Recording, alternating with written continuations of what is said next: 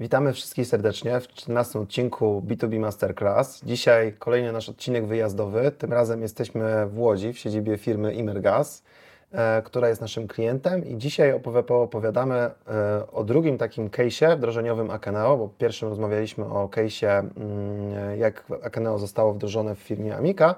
Natomiast dzisiaj będziemy rozmawiać o systemie zarządzania informacją produktową w firmie Imergas. Przypominam, że można nas e, oglądać na platformie YouTube, e, słuchać też e, naszych podcastów na platformie Spotify, także jeśli będziecie jeździli teraz wiosną samochodem, zawsze można nas posłuchać. A dzisiaj bardzo dziękujemy za możliwość poprowadzenia z Wami webinaru i odwiedzenia firmy Imergas. Także dzisiaj jesteśmy w Łodzi i z nami jest Krzysztof Kamiński i Marcin Wiland, którzy opowiedzą nam dzisiaj o swoich też doświadczeniach związanych z wdrożeniami Akeneo i w ogóle z potrzebą takich systemów. Zgadza się, witamy, dzień dobry. Dzień dobry. Miło, że nas odwiedziliście. Mm, to co, zaczniemy chyba od tego, kim jesteśmy, co robimy, tak? tak? opowiedzcie, czym, kim, kim jest Imergas w Polsce, kim czym jest Imergas? e, może zacznę od tego, czym jest Imergas e, globalnie. To jesteśmy firmą, znaczy Imergas globalnie to mhm. jest e, firma włoska, e, o zasięgu właściwie już no, ogólnoświatowym z branży grzewczej. Mhm. Takie główne produkty, które Imergas produkuje mhm. to kotły gazowe, pompy ciepła i urządzenia hybrydowe. E, tu akurat jesteśmy liderem w zasadzie na, na poziomie światowym. E, a w Polsce jesteśmy spółką handlową, tutaj produkcji nie mamy. Mhm. Sprzedajemy e, nasze produkty oczywiście gdzieś docelowo do użytkowników mhm. końcowych, natomiast e, naszym takim bezpośrednim klientem jest e, klient B2B. Mhm. E, w głównej mierze kanał dystrybucyjny, mhm. więc grupy zakupowe, duzi, duży, duzi partnerzy, mm, duże hurtownie, wielooddziałowe bardzo często. W zasadzie no, to jest ta główna część naszego biznesu, ta sprzedaż i dbanie mhm. o, o to urządzenie później podczas całego jego cyklu życia. E, bezpośrednio do klienta końcowego nie sprzedajemy, natomiast dbamy o niego, żeby te nasze urządzenia służyły mu przez lata i żeby był z nich zadowolony, żeby mu dostarczyć ten komfort. Stąd się bierze też e, potrzeba e, rozwinięcia trochę takiej działki naszej e, e, działalności dotyczącej profesjonalistów, którzy są gdzieś tam na linii właśnie między nami, dystrybucją, a tym klientem końcowym. No, no bo żeby to dobrze zrozumieć, to tak naprawdę klient, który kupuje, kupuje często od instalatora, instalator tak. kupuje z kolei od dystrybutora, i dystrybutor kupuje dopiero od Imergazu, tak? Czyli mamy tyle osób tak, tak naprawdę do zagospodarowania, nie? Tak jest. No, portfel klientów jest bardzo mhm. podzielony, powiedzmy. Tych, tych e, typów klientów mamy bardzo wielu. Tak jak powiedziałeś, ten instalator e, to też jest nasz klient. Mhm bezpośrednio mu nie sprzedajemy, natomiast no, mamy jakieś y, dosyć mocno rozbudowane systemy i szkoleń, i, y, i programów partnerskich. Ta relacja jest, y, jest tutaj dosyć mocna. Jest instalator, jest serwisant, mhm. to też, e, też właśnie skupiamy się na tych, e, na tych grupach klientów. Okej. Okay. A skąd w ogóle jakby e, powstała Was potrzeba PIMowa? My trochę widzimy jakby na rynku, mm, że dużo firm ma jakby problem z danymi produktowymi i to, to będę też ciekawe też wa, Waszego tej doświadczenia, że dużo, dużo firm ma problem z danymi produktowymi, natomiast ciężko to jest nazwać w zasadzie tą, tą potrzebę, że tą potrzebą jest PIM, bo na przykład część tematów jest gdzieś tam próbowane rozwiązywać w ERP-ie, część firm próbuje to rozwiązać na poziomie dysków wspólnych, tak, na jakichś Exceli. E, dzisiaj przy Office 365 można tam te Excele też udostępniać, mhm. jakby, także możliwości jest wiele, ale widzę, że często jest problem z nazwaniem tej potrzeby, że to jest ta potrzeba. Tak jakbyście trochę mm, o tym wątku mogli powiedzieć, skąd ta potrzeba PIMowa u Was w ogóle powstała i może jak do tego doszliście w ogóle, że to jest PIM akurat jako, jako ta, ten system, nie? Okej. Okay. E, Myślę, że najszybciej uświadomiliśmy sobie taką potrzebę zarządzania tymi mhm. danymi produktowymi, które u nas w firmie były od zawsze, tylko kiedyś mieściły się w ERP-ie, mhm. powiedzmy i to wystarczało wiele, wiele lat temu. Mhm. Natomiast no, z biegiem czasu, jak nasza organizacja się rozwijała e, w różnych obszarach, e, pojawiło się to zarządzanie, czy, czy po prostu obecność tych danych produktowych Mm, e, różne procesy biznesowe były z kolei obsługiwane kolejnymi aplikacjami, mhm. systemami. I doszliśmy do takiego miejsca, gdzie zarządzaliśmy różnymi kartotekami tym, tych samych produktów w różnych systemach albo w Excelach właśnie mhm. nierzadko.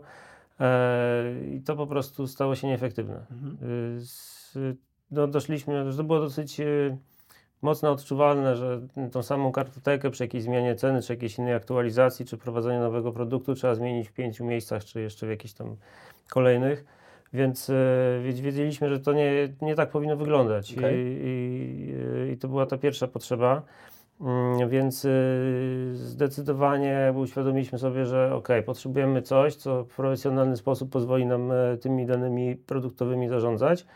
I tutaj właściwie to jest takie skupienie na naszych wewnętrznych procesach, naszej efektywności. Mhm. E, jednocześnie nasza centrala e, nie dostarcza nam takich narzędzi, nie, nie mamy tego zarządzanego gdzieś tam mhm. z zagranicy, z, e, odgórnie. Mhm. mogliśmy to, tym obszarem zarządzić sami i, i dlatego do tego doszło. Mm, a takim jeszcze drugim głównym powodem, dlaczego w ogóle zabraliśmy się za ten obszar, mhm. no to im właściwie jest tak, że im, im dłużej zastanawialiśmy się nad tym zarządzaniem, jak to można zrobić, e, tym bardziej sobie uświadamialiśmy, że e, tutaj jest też obszar do zbudowania jakiejś przewagi konkurencyjnej.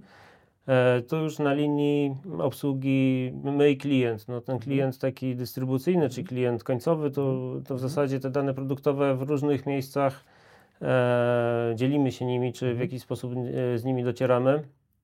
Mm, e, przy takiej bieżącej pracy i takim bieżącym, e, bezpośrednim kontakcie, no to i tak, i tak e, przed jakby wdrożeniem PIMA te dane, tymi danymi musieliśmy naszych klientów zasilać. To wręcz mhm. ta potrzeba przyszła z zewnątrz. Mhm. Nasi dystrybutorzy, ci w pierwszej kolejności, ci mhm. najwięksi, otwarcie komunikowali, czy wręcz y, żądali, żeby dostarczać im te dane na potrzeby ich e-commerce'ów. Tak, bo oni e, też chcieli się rozwijać nie? w tym obszarze właśnie lepszego no, kontaktu dokładnie. z klientem.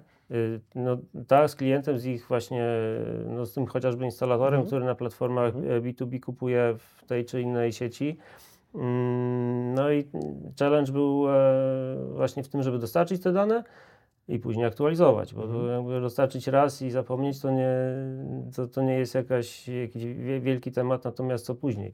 Więc tutaj e, postanowiliśmy, że e, to będzie nam przyświecać przy takim wdrożeniu.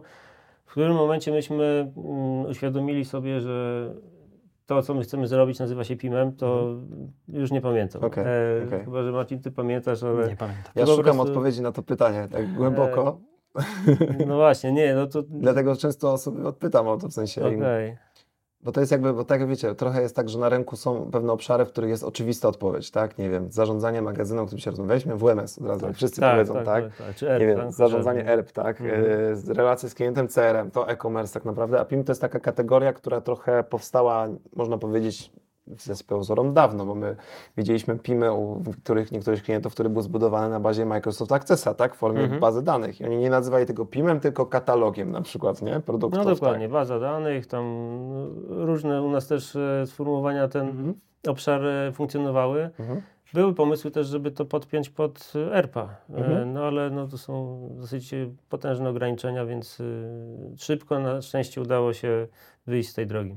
Znaczy, y, ciekawe jest to, i ja to widzę właśnie po wielu, po wielu klientach i po rynku, że to jest tak naprawdę, są takie dwa, model taki PIMowy, który powstał pierwszy, to był jak pierwsze sklepy B2C powstawały y, u producentów, czy u de facto, nawet bym powiedział, du, dużych dystrybutorów, tak, na zasadzie, że mieli dane w ERP i nagle trzeba było je wstawić na zakładkę internetową, mieli tytuł i w zasadzie tyle, tak, mhm. więc działy e-commerce zaczynały wyciągać, to dajcie nam zdjęcia, dajcie nam produkty i tak dalej i często w Waszym przypadku taci, tacy dystrybutorzy są przed takim samym faktem, tak, że mają dane linijkę w ERP-ie, o którą kiedyś wprowadzili 10 lat temu jako indeks, chociaż te produkty też się zmieniają, więc pewnie to zdanie nie jest prawdziwe moje. No i ciągną od takich firm jak Wy po prostu dane, tak? No, z drugiej strony dla Was to też jest tak, no da, dać dane aktualnie dla większości firm nie jest łatwo, bo zdjęcie jest tutaj, tu jest jakaś tabelka, tu jest jakaś karta i tak dalej, ale z drugiej strony osoba, która to zbiera, czy ma pewność stuprocentową, że to jest aktualne? No nie.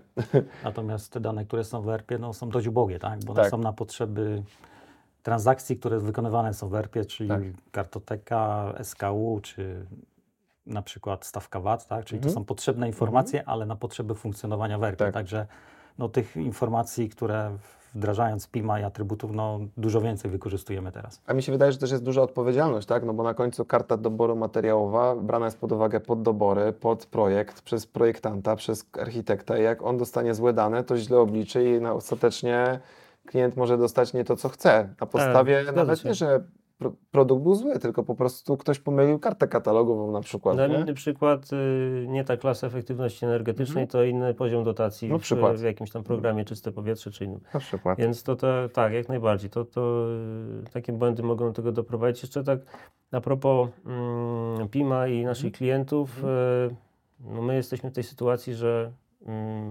zarządzamy naszym portfelem. Natomiast nasi klienci zarządzają portfelem e, produktów wielu dostawców, e, więc myślę, że tam ta potrzeba PIMA jest jeszcze większa. Mhm. E, No na pewno potrzeby e-commerce i innych platform, więc nam też e, m, przyjęliśmy założenie, że im łatwiej my dostarczymy dane naszym klientom, no to e, tym większy efekt to będzie miało i przełożenie na nasz biznes, na ich efektywność sprzedaży naszych produktów po prostu. To jest, znaczy, to jest duże wyzwanie dla faktycznie sprzedawców, dystrybutorów, bo my widzieliśmy kilka lat temu przy wdrożeniu jednego platformy dla właśnie dystrybutora branży instalatorsko-sanitarnej, gdzie faktycznie często oni nawet nie dostawali tych danych w formie, y, tak jak Wy mówicie, że łatwo, tylko po prostu otwierali wręcz katalogi po prostu takie papierowe i wpisywali dane, żeby w ogóle jakkolwiek to sprzedać, nie? No tak, albo mm, po prostu szperanie na stronach e, producentów i tam wyciąganie danych Tak. stamtąd. Tak, tak, tak. Jeszcze pytanie, czy tam są aktualne dane, bo to, e, to też może być różnie, albo po prostu mm, część e, tych informacji Mhm. może brakować. Ja zakładam, że, że jak wiele firm na, na polskim rynku e, przechodziliście, czy przechodzicie cały czas tą cyfrową transformację, tak? Jest pewnym procesem związanym jakby stricte tam ze zmianą systemów. Gdzieś tam w którymś z webinarów mówiliśmy sobie o tych, tam, tych cyklach przemysłowych, o, jakby o tych zmianach, że tam była zmiana ERP-ów, teraz jest zmiana jakby polegająca bardziej na połączeniach, tak? Że chcemy się jak najbardziej łączyć między sobą. I, e, i, I skąd, e, znaczy dlaczego uznaliście mm, ten PIM jako właśnie ten kluczowy element tej waszej transformacji cyfrowej z tej perspektywy? Co było takim mm, dla was, dlaczego od tego może nie, że zaczęliście, ale to jedny, było jednym z tych pierwszych elementów pracy waszej? Znaczy jednym takim kluczowym mm, czynnikiem, k- którym zaczęliśmy myśleć Mhm. o PIM-ie, było to, że dane produktowe, które wykorzystujemy u nas w firmie, Mhm. występują w kilku obszarach, w Mhm. różnych systemach, z Mhm. których korzystamy. Tak? I istotne dla nas było, żeby te dane były spójne, zawierały prawidłowe informacje w każdym systemie, Mhm. a nie zawsze tak bywało, tak? bo to wtedy te dane były, że tak powiem, aktualizowane ręcznie przez użytkowników. E, Natomiast e, no, pojawiały się problemy w tym zakresie. No i pro, problematycznie było aktualizowanie. I wprowadzenie PIMA, e, rozpoznając temat, e, umożliwiło nam jakby PIM po wdrożeniu stał się naszym jednym głównym e, Mhm. miejscem centralnym, gdzie te dane gromadzimy w systemie Źródłem prawdy. Tak. źródłem prawdy, tak. Y, w- Każdy teraz, jak y, produkt zaczyna istnieć w systemie, to wie, że zaczynamy tutaj w systemie gromadzić dane w PIM-ie. Następnie te dane poprzez integracje, które wdrożyliśmy, zrealizowaliśmy, automatycznie są aktualizowane w naszych systemach, które wykorzystujemy. I to jest duża wartość dodana. Teraz y, no, użytkownicy nie muszą pamiętać i pilnować tego. Mhm. Także te dane są prawidłowe i, i spójne. Natomiast takim też kluczowym elementem, o którym mówił Krzysztof, to jest udostępnianie danych naszym klientom. Mhm. Teraz y, możemy sprawniej udostępnić i szybciej te Mhm. informacje. Y, System y, PIM, który wdrożyliśmy, ma możliwość zdefiniowania profili eksportowych Mhm. i my z tego skorzystaliśmy. Zrobiliśmy profile eksportowe dla naszych kluczowych dystrybutorów w takim szablonie, w takiej kolejności, jakiej od nas oczekują. Mhm. Także teraz profil, który jest opracowany, y, kilka kliknięć i te dane możemy udostępnić naszym Mhm. klientom, także to jest y, też bardzo... To ja może dopowiem, to prawdopodobnie chodzi też o też nazwę kolumn bardzo często tak, Tak, naprawdę, tak. bo jakby nazwa Tak, nazwie nie kolejność równa. I kolejność też. Kolejność. Mhm. Często klient ma taki system, którego nie może zmodyfikować ze względu na swoje Mhm. ograniczenia. Ale nawet nazwa produktu u Mhm. jednego klienta są wymagania takie, żeby kocioł kondensacyjny się nazywał kocioł kondensacyjny, a Mhm. u drugiego, żeby to był kocioł kondensacyjny wiszący, zbudowanym zasobnikiem i czymś tam jeszcze. Dokładnie. Więc to jest ta, ta sama Mhm. nazwa, te wszystkie dane mamy w systemie, jakby posklejanie tego w odpowiednią formę. To jest coś, co nam daje PIM, no to jakaś tam dodatkowa wartość. Mhm. Natomiast jeszcze tak wrócę na sekundę do, do tego, dlaczego akurat PIM był tym kluczowym Mhm. takim e, w- elementem tej e, cyfrowej transformacji. No inne systemy, czy inne procesy biznesowe mamy myślę, że dosyć dobrze obsłużone różnymi systemami e, czy, czy jakimiś aplikacjami, natomiast no tutaj brakowało takiego integratora. E, brakowało nam tego, widzieliśmy, że tu jesteśmy mm, po prostu nieefektywni. a też jak już sobie uświadomiliśmy, jak to może wyglądać, to, no to zobaczyliśmy tam po prostu bardzo duży potencjał. Okay. I wewnętrznie, i też, żeby budować tą przewagę konkurencyjną. Taka najczęściej jest sytuacja, tak, że jakby my jak obserwujemy, że de facto dzisiaj patrzymy też trochę na tę jakby całą, całą transformację B2B jako takie trzy obszary, content, commerce, czyli jakby sprzedaż, mhm. gdzie jest klient, cena i tak dalej, no i faktycznie produkt, nie? I ten produkt często jest jakby takim elementem pomijanym w całej tej transformacji. Tak content też często, tak? Ale, ale to, już, to już myślę, że sobie o tym możemy trochę później opowiedzieć, nie? Pewnie. No, myślę, że też y, znaczenie ma y, wykorzystanie tych danych. No, jakby, no, mhm. bo tak jak powiedzieliśmy o tych naszych wewnętrznych procesach, to później jeszcze pewnie powiemy sobie więcej o tym, jak to przebiegło, o tych szczegółach, natomiast no, kluczem jest to, co my z tymi danymi zrobimy. Co okay. my z tego PIMA wyciągniemy. No, mieliśmy pomysłów, właściwie już e, podchodząc do projektu, mieliśmy pomysłów całkiem sporo, co my możemy z tymi danymi zrobić. Wiedzieliśmy, które systemy wewnętrzne chcemy nakarmić, mm. których klientów chcemy obsłużyć, w jaki sposób. Mm. Dzisiaj też wiemy, że jeszcze mamy sporo takich obszarów, w których możemy PIMA rozwinąć, czy wykorzystać jego, mm. jego możliwości.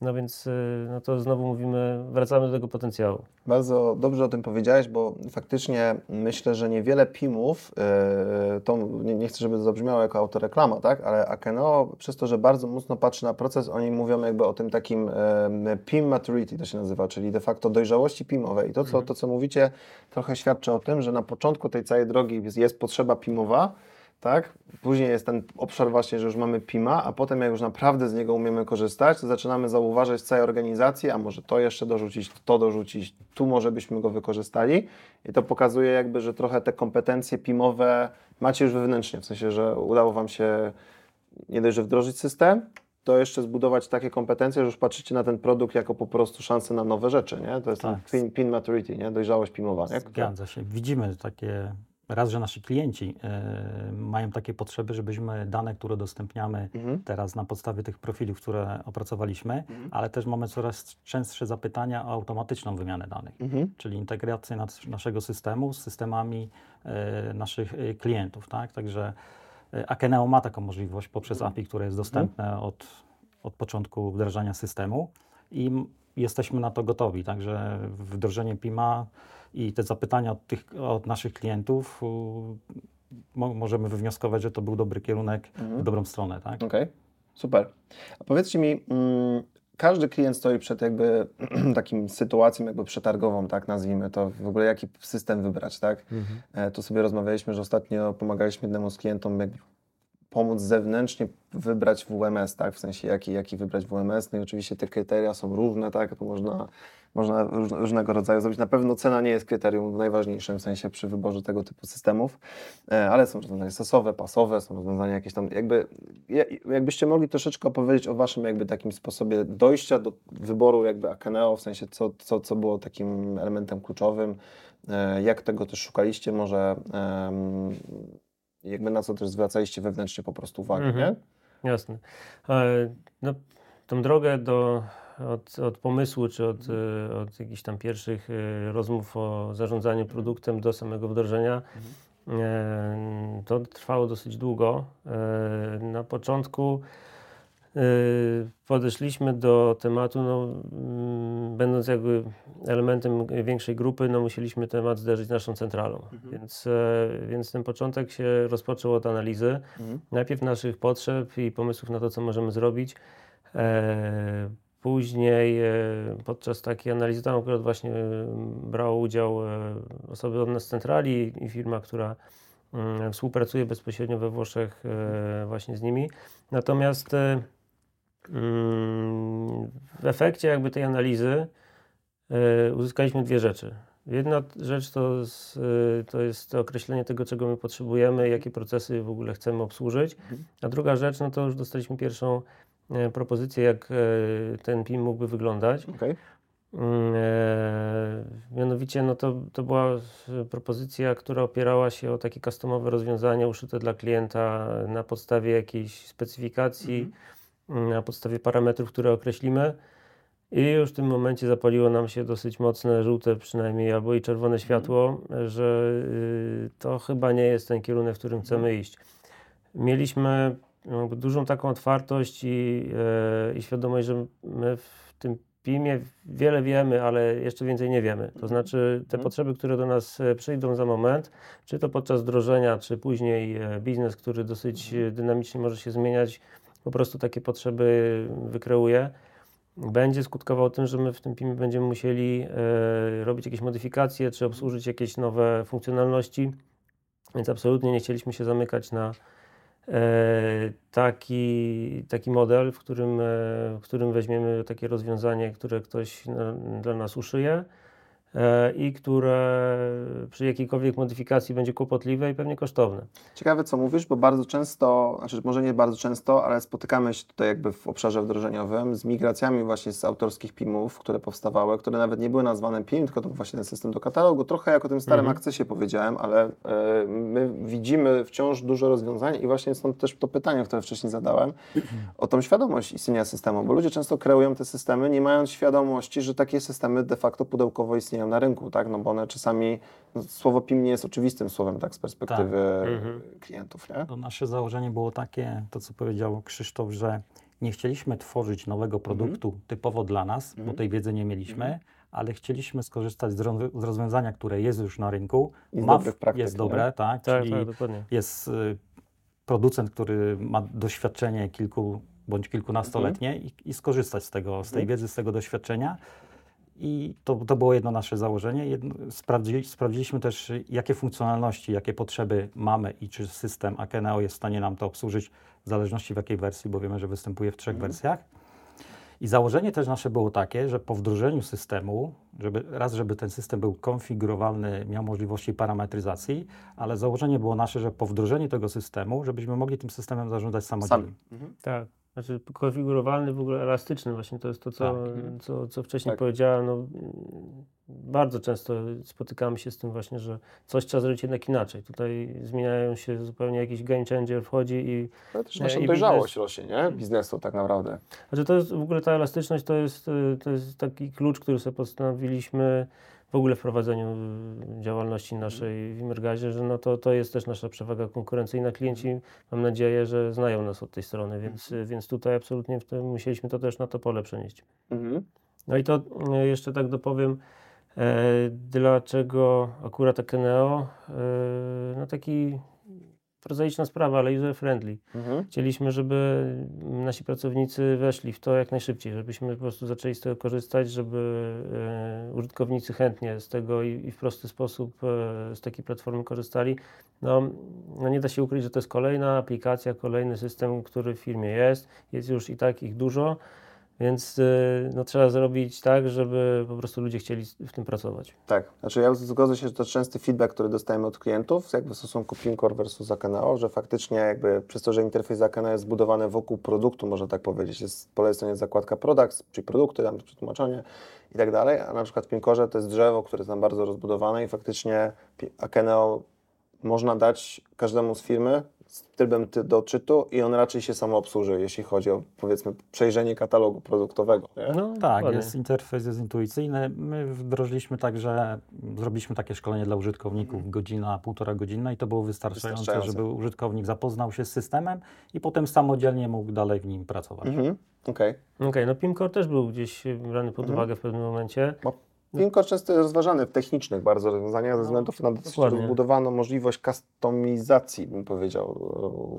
Bardzo mocno rozbudowaną kustomizację. Nie? No poza tym, co, co ty mówisz jeszcze, to e, Pimcore chyba wymagałby więcej nakładów takich i czasowych i naszy, naszego zaangażowania, żeby go w ogóle skonfigurować w jakiś sposób. A Akeneo już daje Trudniej pewien... byłoby Wam go utrzymać we własnym zakresie. No to też. to też. No. Y, Akeneo narzuca jakiś, y, jakąś architekturę już troszeczkę, więc y, ona absolutnie nam pasowała, więc to... Ja to może dopowiem, żeby też wobec jakby naszych też widzów tutaj być różnicą może między Akeneo a Pimcorem, nie, nie wskazując jakby, który jest lepszy, bo to w zależności od rozwiązania jeden produkt się sprawdza bardziej lub drugi jakby inaczej.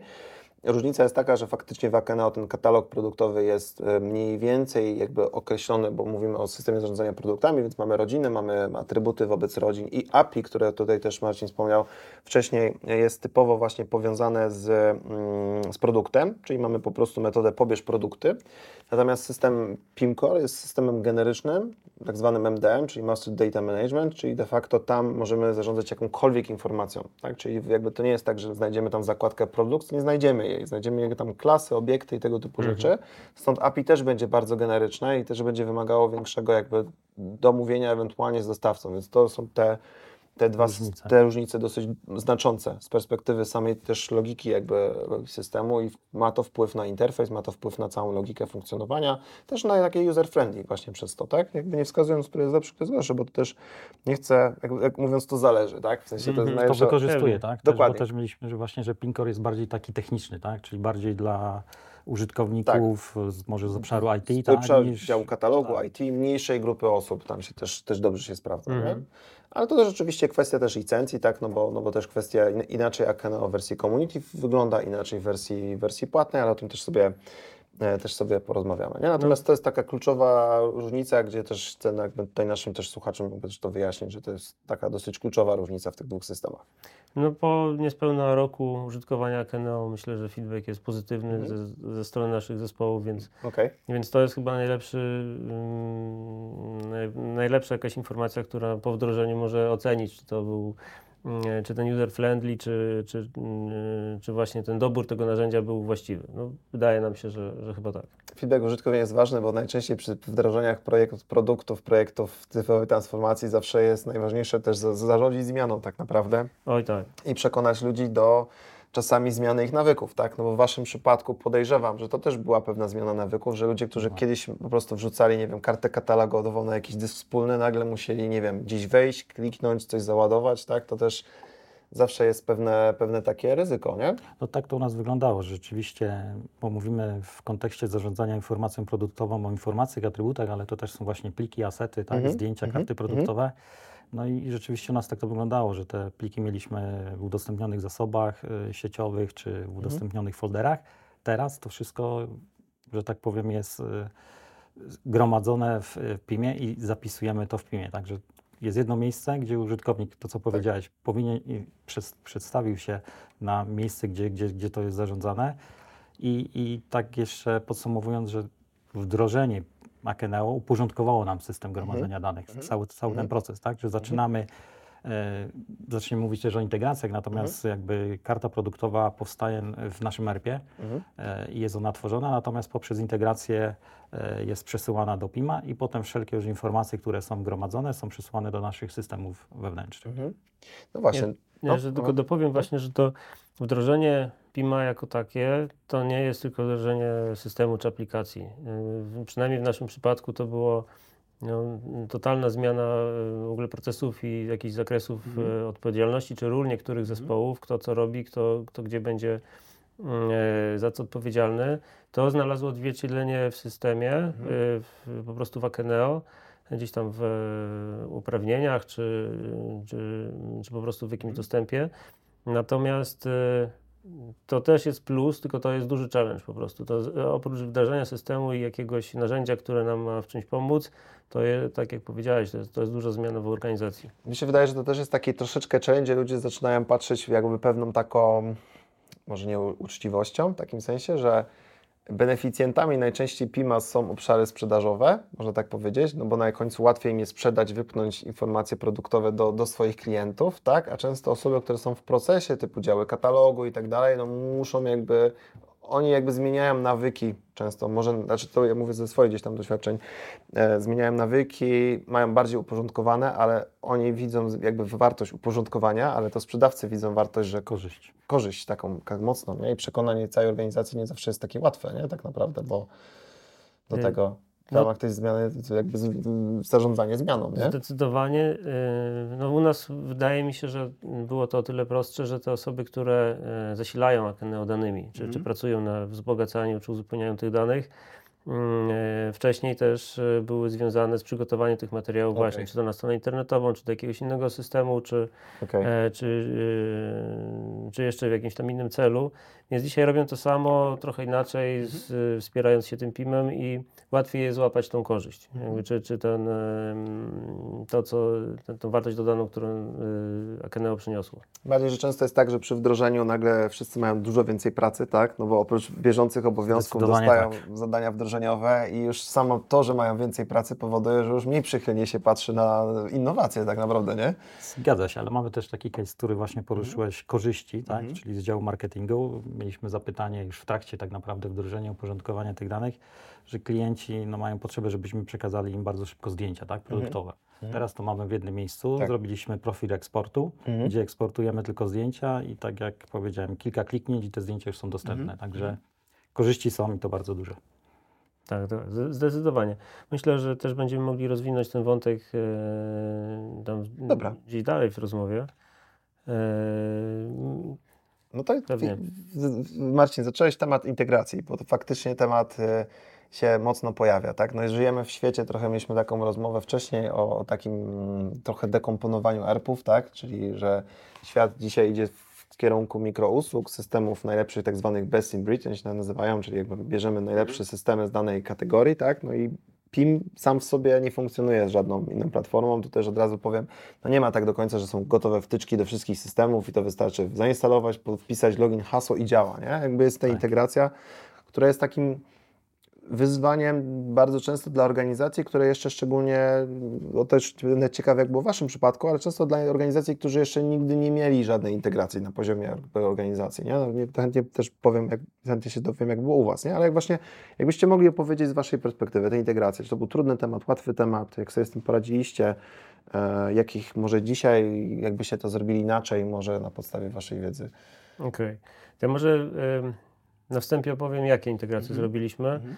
E, zachowaliśmy jakby jeden kierunek przepływu informacji e, w tych integracjach, czyli mm, może jeszcze, jeszcze krok do tyłu.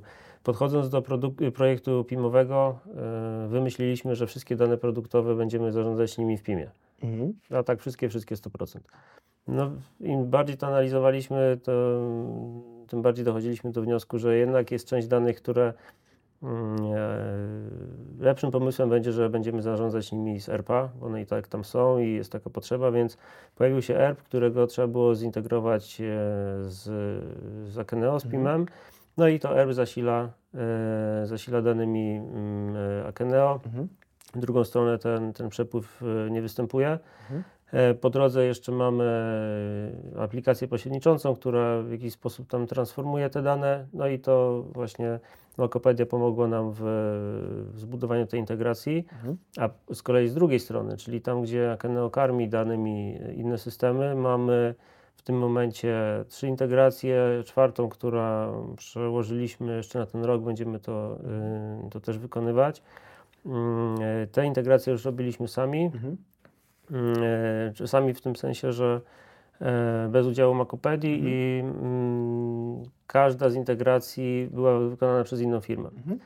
E, pierwszą integracją był Salesforce, czyli nasz CRM. I tam w obrębie danych produktowych, które są wykorzystywane przede wszystkim do tworzenia ofert. I to była pierwsza, pierwsza integracja, którą uruchomiliśmy. Mm, później uruchomiliśmy integrację z prawie że równolegle z dwiema e, w dwóch obszarach. Mhm. Takim kluczowym, też gdzie widzieliśmy duży, e, duży plus dla biznesu, no to jest integracja ze stroną internetową, mhm. czyli wszystkie informacje o produktach, które na stronie mamy, to, to były te informacje, już w tym momencie to są informacje pochodzące z PIMA. Mhm. To też wykonała e, agencja, która się, e, która nam e, administrowaniem i utrzymaniem tej strony mhm. internetowej się zajmuje. No i ostatnia integracja odpalona jeszcze niedawno już, już funkcjonująca od jakiegoś czasu to jest integracja z aplikacją, która obsługuje nam system lojalnościowy. Mhm. E, w którym też wymieniamy oczywiście dane produktowe, ale już takie trochę inne niż e, w przypadku tych poprzednich e, integracji, bo tam mamy chociażby jakieś stawki, jakieś punkty, jakieś mm, dodatkowe informacje, które są typowe dla tego programu lojalnościowego. Okay. I to też była inna integracja. Yy, więc w tym momencie mamy, mamy te, jeszcze w planach mamy integrację z takim systemem, który obsługuje nam kanał serwisowy, czyli mhm. Portal obsługi serwisowej. Mhm. Tam mamy bardzo dużo informacji, które możemy wymieniać i, i, to, to jeszcze tam są plany na przyszłość, więc myślę, mhm. że no tutaj postawię na razie kropkę. Okay. A jakie, z czym się mm, spotkaliśmy, jakie były wyzwania, no to myślę, że Marcin, ty będziesz najlepiej w stanie o tym powiedzieć. Jeśli chodzi o wyzwania pod kątem integracji, to takim jednym z największych wyzwań było to, że firmy partnerskie, supportowe, które wspierają te systemy, z którymi zrobiliśmy integrację, o których wspomniał Krzysztof, nie znały Akeneo. Mhm. Czyli musieliśmy ich zapoznać jakby ze strukturą katalogu, mhm. nazewnictwem, nomenklaturą, e, co od czego zależy, jakie są powiązania i to był, było jakby duże wyzwanie. E, drugim wyzwaniem było API Akeneo, czyli mhm. w jaki sposób zachowuje się API, API, API Akeneo. Mhm. Mieliśmy taki przykład, że pytając się o dany produkt, mhm. o, o, jego atrybuty, Akeneo odpowiada w ten sposób, że jeżeli y, dany atrybut nie jest wpisany, nie ma wartości, w ogóle go nie pokazuje. Tak.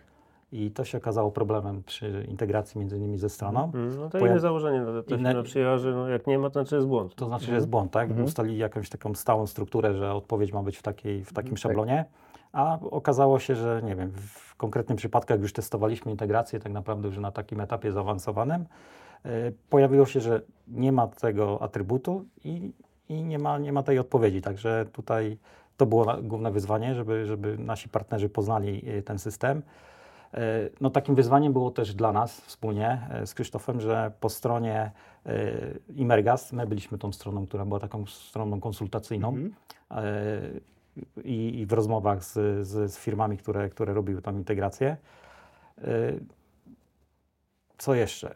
Wyzwaniem było to, że w każdym systemie jest różna logika produktowa, różne, inaczej te kartoteki są zarządzane. Czyli tak, mimo że my mieliśmy, że tak powiem, E, ustalony plan, to dla każdego systemu musieliśmy tą, że tak powiem, integrację przeprowadzić. To była jakby oddzielna, oddzielna, oddzielny, oddzielna integracja, oddzielne zasady, tak. także tej samej integracji. Każda historia była inna. Każda historia była inna, każde przypadki były inne. Dla nas wyzwaniem też było to, że my z naszej strony musieliśmy też się zagłębić w strukturę tych systemów, bo to nie jest tak, że my na bieżąco w nich współpracowaliśmy, tylko tak. robiąc integrację musieliśmy je bo poznawać. te decyzje biznesowe należały ostatecznie do Was, jak ten produkt będzie wyglądał w kolejnym systemie, nie? Tak naprawdę. Tak. Tak, tak. To już mieliśmy jakby no, współpracę z osobami, które odpowiadają za te hmm. systemy, natomiast on, no, to jakoś wyglądało, że tak powiem, w tym systemie, czy, w, czy w Salesforce, czy, mhm. czy, czy na stronie internetowej, czy, czy w Kajusie, w tym, systemie, w tym, tym programie. No i musieliśmy doprowadzić do tego, żeby wyglądało tak samo, tylko tak. żeby jeszcze działało. I teraz kwestia zrobienia odpowiedniej logiki, jak, te, jak to ma ze sobą się komunikować, jeden system z drugim. No niby proste, a w praktyce jak zeszliśmy do szczegółów i do jakichś tam mechanizmów, o których nie mieliśmy pojęcia, że akurat tak to działa, no to, to, to okazało prawda. się, że jest to jakiś challenge. Oczywiście to wszystko do zrobienia, ale, Tylko trzeba ale trochę więcej czasu, tak. I tak, właściwie czas. to jest takie rozpoznanie walką. No, zobaczymy, mhm. że jak, jak zaczęliśmy e, zagłębiać się w, te, w to, jak to inne systemy działają, no to nie wiedzieliśmy, co tam znajdziemy. No, mhm. no, no jak znaleźliśmy jakby prostą strukturę, no to, to było szybciej. Jeżeli było to trochę bardziej złożone albo inaczej ta logika poukładana, no to, no to wymagało więcej czasu i nakładów z naszej strony. Ja tu podam dwa przykłady, które zawsze podaję. Pierwszy przykład jest taki, że na przykład w Akeneo nie ma konieczności y, posiadania głównej kategorii produktu. A często mhm. w systemach zależnych może być tak, że produkt musi być przypisany do minimum jednej kategorii. Teraz dokładnie. która kategoria? Dokładnie mamy, dokładnie mamy coś takiego, logika. że w systemie y, lojalnościowym, w którym mhm. mam, zrobioną mamy integrację, y, ten atrybut, czy powiedzmy pole kategoria jest obowiązkowe. Mhm. Jeżeli tego pola nie mamy, a w Akeneo nie mamy go uzupełnionego, tak. to pojawia nam się błąd. Tak? Dokładnie. Tak? Drugi przykład, który zawsze też podaję i on jest może jeszcze nie tylko związany też z integracjami, ale też z marketplace'ami, tak, że na przykład kolor czerwony E, niekoniecznie między systemami musi być kolorem czerwonym, bo jeśli my nawet mamy słownik w Akeneo kolorów i wybieramy czerwony o naszym wewnętrznym kodzie, to nie oznacza, że jeśli będzie słownik w drugiej platformie, to że będzie to samo, tak? Czasami trzeba dokonać integracji słowników niestety. Mhm. A jeszcze nie daj Boże, jak mamy system trzeci jak Marketplace, którym trzeba na przykład w Allegro wybrać kolor ich czerwony, no to jak powiązać nasz czerwony z ich czerwonym? No można po nazwie, ale no, no może się pojawić jakiś burgund na przykład i już nie trafimy z tą nazwą, tak? Więc, więc tak, no to, to, to jest ważne, natomiast wydaje mi się to, co powiedzieliście, jak ja te, tego słucham w sensie i, i tak patrzę, mm, dlaczego Wam się uda, udało tej integracji samemu zrobić, co jest, co jest uważam dużą wartością w kwestii budowania świadomości PIMA w organizacji, że jakby traktowaliście to, że wy musicie sami, przez to, że jesteście właścicielami biznesowymi PIMA, zrozumieć te integracje, a nie po prostu wydelegować do zewnętrznych firm, dogadajcie się jakoś, tak? Mhm. Bo na koniec dnia, no to nie te zewnętrzne firmy dbają o ten produkt, tylko ten produkt jest wasz, w sensie jako produkt, w sensie kocioł Inergasu, nie? I no dokładnie, no, na, końcu się wchodzi na tą stronę i coś tam tak. jest albo nie ma, tak, albo tak, jest tak, tak. podpięte nie to, co trzeba, albo jeszcze jakaś inna historia, więc dokładnie. tak, tak, tak, no to, to wychodziliśmy z tego, z tej perspektywy tego efektu na końcu, zdecydowanie, więc to, no to jakby nie wyobrażaliśmy sobie, że można to inaczej zrobić. E, I tutaj trochę się wiąże też z tym taka kwestia, zapytałeś na początku, jak inaczej byśmy podeszli mhm. do kwestii integracji, czy, czy co było tym challenge'em, czy wyzwaniem. Mm, e, to wyzwaniem było właśnie zrozumienie dwóch środowisk, które mhm. mówią o tym samym, mhm. ale trochę w innych językach, czy, czy e, i tutaj... E, Nawet jeszcze tutaj przerwę, że mówiliśmy czasami tymi samymi słowami, ale w Akeneo oznaczało to coś innego, tak. a w systemie na przykład w Salesforce też oznaczało co innego, tak? tak. I tu też to samo, tak, mhm. tak, ważne znaczenia. Ale mam tutaj, że tutaj z pomocą przychodzi ta nieszczęsna y, dokumentacja, której, y, która często jest pomijana albo niechciana, bo to mhm. też jest jakiś tam nakład. E, natomiast e, myśmy dosyć mocno naciskali na to, żeby ta dokumentacja powstała mhm. i żeby jeszcze była taka użyteczna, żebyśmy mhm. byli w stanie ją wykorzystać nie tylko później w utrzymaniu czy przy jakiejś rozbudowie, Natomiast y, ona się w pierwszej kolejności przydała podczas testów. Okay. Czyli tam y, taka prozaiczna rzecz, ale y, dosyć y, istotna, to, to też myślę, że, że możemy to polecić jako jakąś tam dobrą praktykę, to po mhm. prostu rozpisanie każdego case'u, czy co się może wydarzyć, jeżeli jest ten atrybut, jeżeli go nie ma, jeżeli jest mhm. pusty, jeżeli jest nieuzupełniony. Mhm. Mm, i różne po prostu scenariusze, kiedy produkt powstaje, mhm. kiedy jest e, usuwany, kiedy jest aktualizowany, to jest, to jest ważna rzecz, żeby to mhm.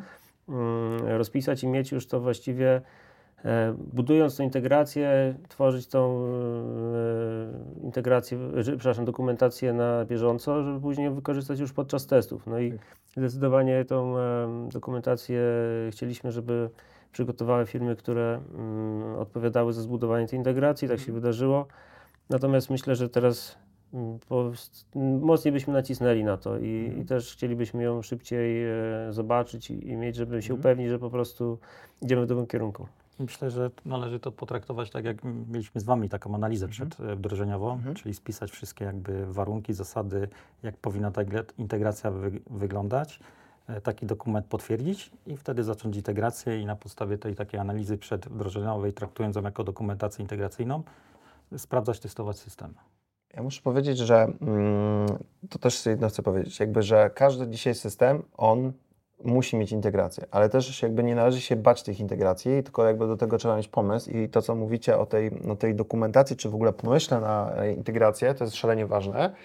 Ja widzę tylko taki błąd rynkowy, który się bardzo dzieje, że integrację poruszałem tak zwany happy path, e, czyli tą szczęśliwą ścieżkę. Tak? Na przykład mamy dwa produkty, e, system, nie wiem, w Waszym przypadku Akeneo Salesforce, robimy integrację między nimi, ale na przykład integracja nie przewiduje na przykład tego, że na przykład można zedytować nazwę produktów w Salesforce, tak? I ktoś na przykład modyfikuje to nie mając tej świadomości, tak? No ale jeśli nie mamy obsłużonego tego fallbacku, tego, tego sprzężenia zwrotnego do Akeneo, no to wiemy, że ta informacja się nadpisze, nie? I dlatego właśnie mi tak. się podobają w ogóle jakby te podejście właśnie dokuentacyjne do analiz, bo jak się zacznie te rzeczy rozpisywać, to pojawią się pytania właśnie, no dobra, ale co będzie w tej sytuacji na przykład, nie? Znaczy braliśmy takie scenariusze pod uwagę i biorąc pod, uwagę, pod uwagę Salesforce'a, e, te kartoteki są automatycznie tak naprawdę sterowane przez PIMA mhm. i te wszystkie pola, o którym... Są powyłączane jakby, Są tak? powyłączane, tak, tak, no właśnie, nie, nie ma możliwości edycji, tak? tak Dokładnie. To jest tylko i wyłącznie sterowane z PIMA. Mhm. Jeżeli w PIMie zmienimy, zmieni się w Salesforce, natomiast użytkownicy mhm. w Salesforce nie mają możliwości zmiany tych pól. Ale to też mogę dopowiedzieć, że mieliśmy pomysły, czy to jakoś zmiękczyć troszeczkę, że, mhm. że PIM przekaże część danych do danego systemu, ale nie wszystkie, albo te, których nie przekaże, to nadal tam będą. Na przykład. Eee, I tak już analizując jakby to za i przeciw, doszliśmy do wniosku, że nie, trzeba radykalnie podejść do tematu i jeżeli wszystko to wszystko prościej jest tym zarządzać później, bo Mhm. wiadomo, że jeżeli coś jest w PIM-ie to też nawet tak organizacyjnie, wewnętrznie, jeżeli e, osoby, które odpowiadają za jakieś tam dane w PIM-ie wiedzą, że jak on tutaj coś kliknie, czy nie kliknie Mhm. e, lub doda, czy zmieni, to to się znajdzie tu i tu i tu i tu i w paru innych systemach, Mhm. no to jest, y, jest, jest ta odpowiedzialność, więc Mhm. myślę, że To jest, w naszym przekonaniu, to jest takie zdrowsze podejście. Tak. Dużym też takim właśnie naciskiem e, i chcieliśmy tutaj zaznaczyć naszym użytkownikom, że to, co robią w PIM-ie, ma potem odzwi- odzwierciedlenie w innych systemach, tak? dzieje się to z automatu, ale żeby mieli tą świadomość, że jeżeli zmieniam coś w PIM-ie, automatycznie to jest od razu przesyłane do naszych systemów, z którymi współpracujemy. Mhm. Co jest wartością dodaną. Tak, No, tak. Tak, tak, tak, tak. Natomiast możemy powiedzieć, że przy okazji integracji na przykład z Salesforce'em wdrożyliśmy nową funkcjonalność w Salesforce'ie. E, W PIM-ie e, z ERPA integrujemy ceny. Mhm. E, Zrobiliśmy taką funkcjonalność w Salesforce'ie, że mamy cenę aktualną i cenę przyszłą. Mhm. I Mówimy nasi- o cenach katalogowych, które są takie w miarę stałe, Mhm. natomiast od czasu do czasu się zmieniają po prostu. Mhm. Natomiast robiąc taką ofertę dla klienta, jeżeli wiemy, że ta oferta, ważność tej oferty jest w dużym jakby przedziale czasowym, możemy wykorzystać już tą e, e, cenę przyszłą Mhm. i przedstawić tą ofertę klientowi, żeby potem jak klient zatwierdzi, a wiemy, że to troszeczkę będzie czasu, e, żeby tej oferty dalej nie rekalkulować. Tak? Także Mhm. taką funkcjonalność, która jest, Super. e, mamy informację zwrotną, że dość przydatna. Tak, czy przy wdrożeniu nowych produktów, jeżeli jeszcze on oficjalnie nie jest w ofercie, ale, e, ale już możemy go ofertować, bo realizacja będzie za pół roku, Mhm. No to, to też jest, y, ta funkcjonalność też się nam przydaje. Więc, więc trochę takie zintegrowanie mm, PIMA z innymi systemami też nam wskazała mm, jakieś miejsca, gdzie możemy coś więcej wygenerować. Mhm. No i tu, tu się to takie funkcjonalności, że to też się, e, też się tak troszeczkę wiąże z tym, że y, zrobienie samej integracji, jeżeli sobie powiemy, ok, zakres jest odtąd dotąd, może się wiązać z tym, że dobra, w trakcie wpadniemy jeszcze na taki pomysł, ale tu by było super jakaś funkcjonalność, której dzisiaj nie mamy, ale dzięki temu, że się integrujemy, jesteśmy w stanie to Tak. zrobić. No to może wydłużyć tę integrację, może zwiększyć budżet i tak dalej, i tak dalej. No, a z takim e, trochę mm, e, pokorą trzeba do tego podejść, że to się może wydarzyć, po prostu być gotowym Mhm. na to. Ja myślę, że e, e, patrząc na, na różnego rodzaju też przetargi, w których uczestniczymy, że e, świadomość integracji jest istotna, no bo teraz najczęściej jest tak, że mamy system X i Y. Jeśli zaofertujemy oba systemy, na przykład ERPA i WMS-a, to one domyślnie nie mają integracji. Na przykład WMS, i WMS-owcy mówią, słuchajcie, mamy API, zintegrujcie się z nami, ERP-owcy mówią, nie mamy API, ale możemy się zintegrować, albo mamy API zintegrować, tak? I najczęściej ważną decyzją chyba strategiczną w organizacji jest, i to też chętnie bym też mo, mo- może gdzieś tam o Waszych doświadczeniach pogadał, jakby żeby mieć pomysł na tę integrację, bo tu powiedzieliście dzisiaj, że Waszym pomysłem na integrację było, że integrujemy Pima z Akeneo i tu tą, częściowo tą pracę wykonali ERP-owcy, tak, i częściowo wykonaliśmy, wykonała Makopedia, Mhm. a reszta jest robiona, realiza, realizowane są integracje przez jakby partnerów od tych usług, na zasadzie ściągamy dane z Pima, nie? Tak jest. Tak.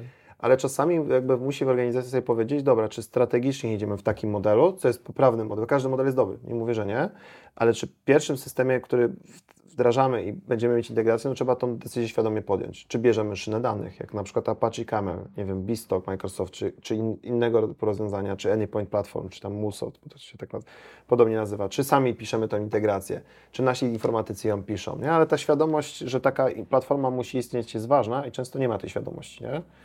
Najgorsze jest, jakby zacznie się kleić wszystko między sobą i już w pewnym momencie nikt nie panuje nad tym, co z czego Tak, tak, wynika tak, tak, tak. i e, każdy się boi jakiś system wyłączyć, bo on historycznie na pewno coś integruje, nie? Ale nie wiadomo co.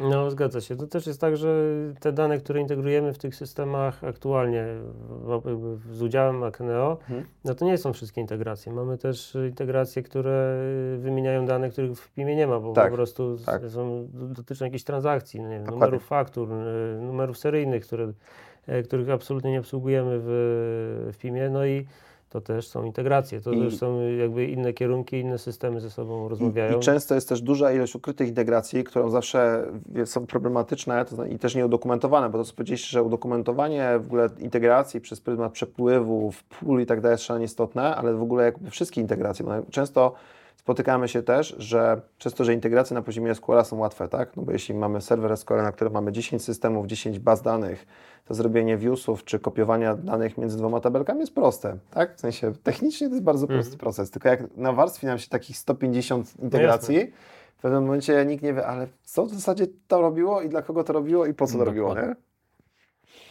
No takim dla no nas jest właśnie kluczowym takim pod kątem integracji z systemami było ustalenie warunków, jakie muszą być spełnione, żeby dany produkt był integrowany w ogóle. Mhm. To było mhm. takie kluczowe nasze jakby y, pytanie, na które musieliśmy sobie odpowiedzieć. Jakie warunki musi spełniać produkt, żeby na przykład pokazał się na stronie mhm. internetowej, tak? Także wykorzystaliśmy między innymi do tego drzewa kategorii, że do integracji, które stworzyliśmy, y, każda integracja obsługuje inne drzewo kategorii, czyli te produkty, które są integrowane na stronie, muszą pod, jako podstawowy warunek y, być na drzewie mhm. kategorii www. Następnie muszą mieć określone statusy, żeby były widoczne na stronie. Okay.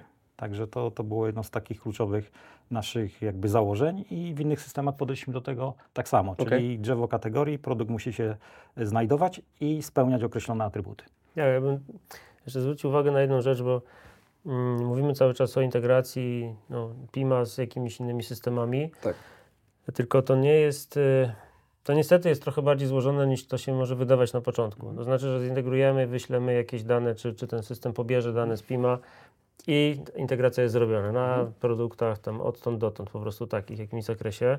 No tylko, że ta integracja może wywołać różne efekty. myśmy to y, dosyć szybko sobie uświadomili. Na przykład y, może wyświetlić na stronie internetowej produkt w taki sposób albo w inny, albo jako nowość, albo jako produkt wycofany, albo mhm. jako karta produktowa, albo już brak tej karty na przykład, już tutaj go nie widać, ale widać go w jakimś archiwum z jakąś dokumentacją do pobrania. Więc to też y, mm, te warunki właśnie, kiedy mhm. co produkt musi spełnić, żeby został zintegrowany, żeby, żeby gdzieś tam się pojawił, to jest absolutnie to, co Marcin powiedział przed chwilą, tylko właśnie później warunki, to warianty powiedzmy. Tak? Mhm. Integracja wygląda tak, jeżeli coś, a inaczej, jeżeli inny warunek jest mhm. spełniony. Okay. Więc myślę, że to też jest kwestia tak naprawdę trochę wyobraźni, co można z tego wycisnąć, bo mhm. mamy w Akeneo dużo rzeczy, które mogą sterować czymś dalej po, prostu. Czy to nie jest może zasługa Akeneo, tylko po prostu tam no, tak naturalnie trochę to, to, to wyszło, że jakieś statusy produktowe okay. na przykład e, bardzo nam pomagają i jednym statusem, i to jest duży plus też właśnie zintegrowania tych systemów, e, jest jeden zespół, który określa statusy, potem one się zmieniają automatycznie, więc w ogóle jeszcze dochodzi do tego silnik reguł, który już e, zwalnia e, jakby, mm, jakby uwalnia tą potrzebę, nie musi nikt klikać ręcznie ani pamiętać o tym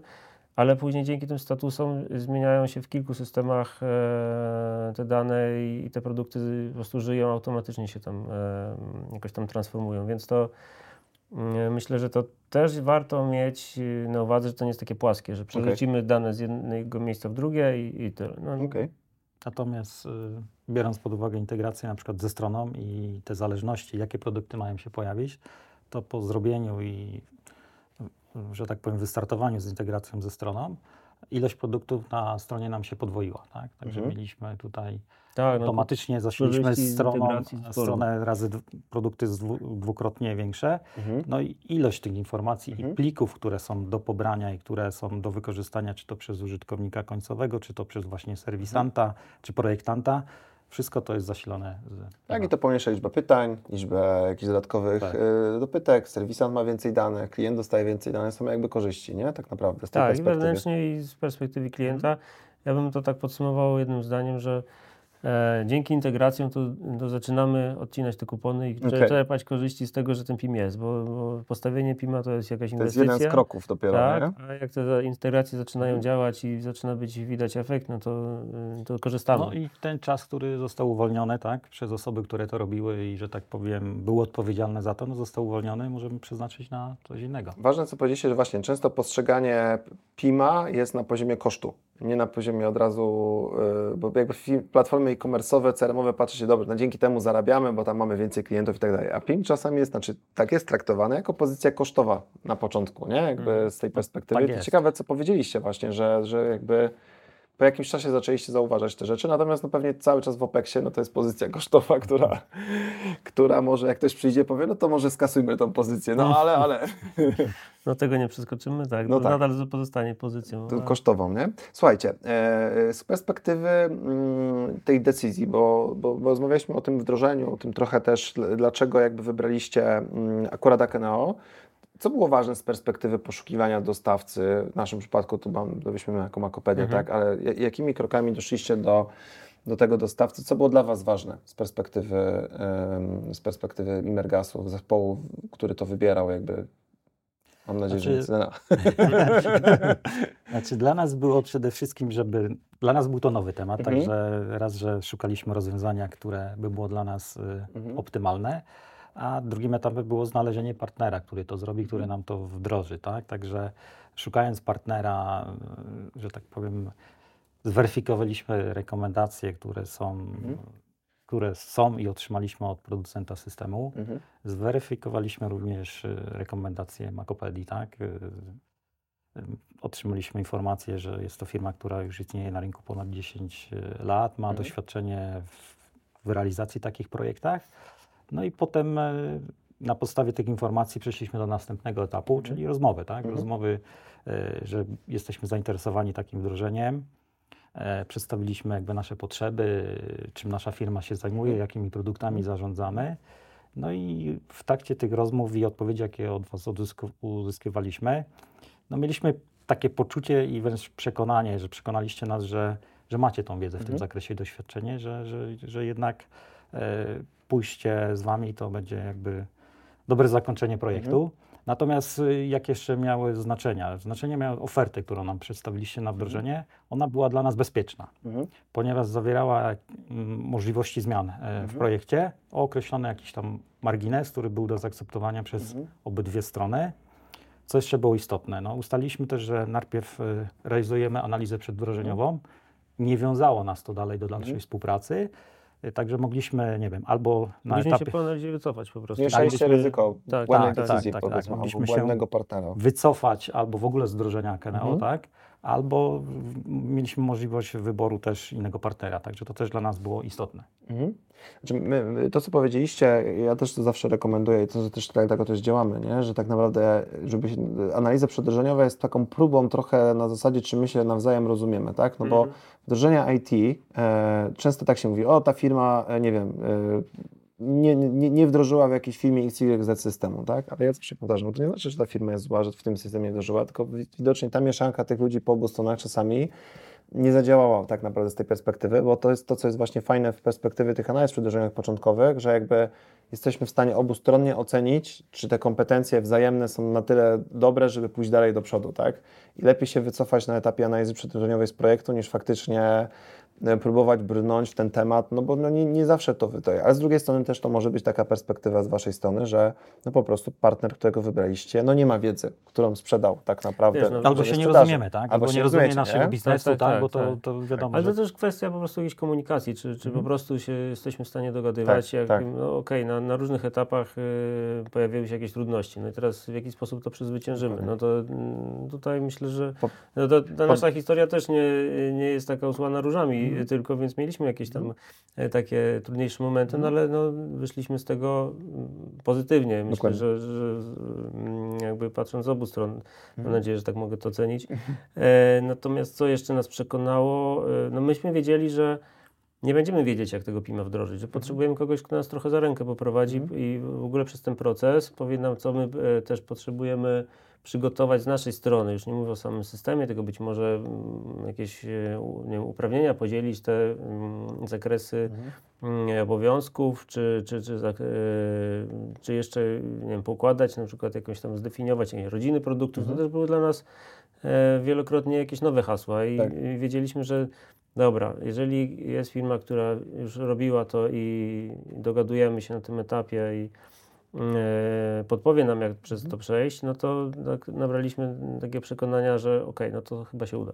Znaczy, myślę, że to też jest tak, że ja mogę z naszej perspektywy że nas każde wdrożenie uczy, w sensie, tak? No bo tych wdrożeń to nie jest tak, że w Polsce było, nie wiem, 2000 wdrożeń PIM-ów, więc e, 2001 my robimy, więc na rynku jest tyle wiedzy, tak? Tylko to jest na tyle nowa jakby dziedzina, jakby e, produktowa, i każdy case jest tak inny e, z perspektywy nawet, który system będzie źródłem prawdy, czy będzie już ERP źródłem prawdy, czy będzie PIM, że, że doświadczenie ludzi, którzy pracują w PIM-ach buduje się na podstawie każdego wdrożeń, nie? Tak naprawdę, że to nie jest, PIM to nie jest w mojej ocenie wdrożenie typowo systemu, tylko to jest wdrożenie koncepcji w ogóle zarządzania produktami, czyli to jest takie wdrożenie trochę konsultingowo-software'owe. Jasne. Że to jest tak, tak, to, tak. To, to i to. Ale trochę się właśnie zaśmiałem, jakby mówiłeś, bo z drugiej strony próbowałem wyobrazić, że są branże, w których człowiek ma bardzo duże znaczenie, bo to jest, pojawia się ten consulting, ale z drugiej strony, no nawet jak przyjedzie nie, niemiły serwisant Imergasu tak, do klienta, a zakładam, że nie ma niemiłych, ale to są na końcu wasi klienci.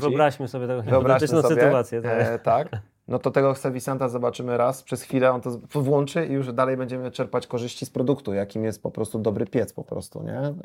I, i, i są rzeczy, na które czasami nie mamy wpływu, ale z drugiej strony, no w wdrożeniach IT ten człowiek jest najważniejszy. Software jest też ważny, ale ten człowiek, który będzie wdrażał, musi być po prostu kompetentny, rozumieć dziedzinę, żeby być waszym doradcą po mhm. prostu, nie?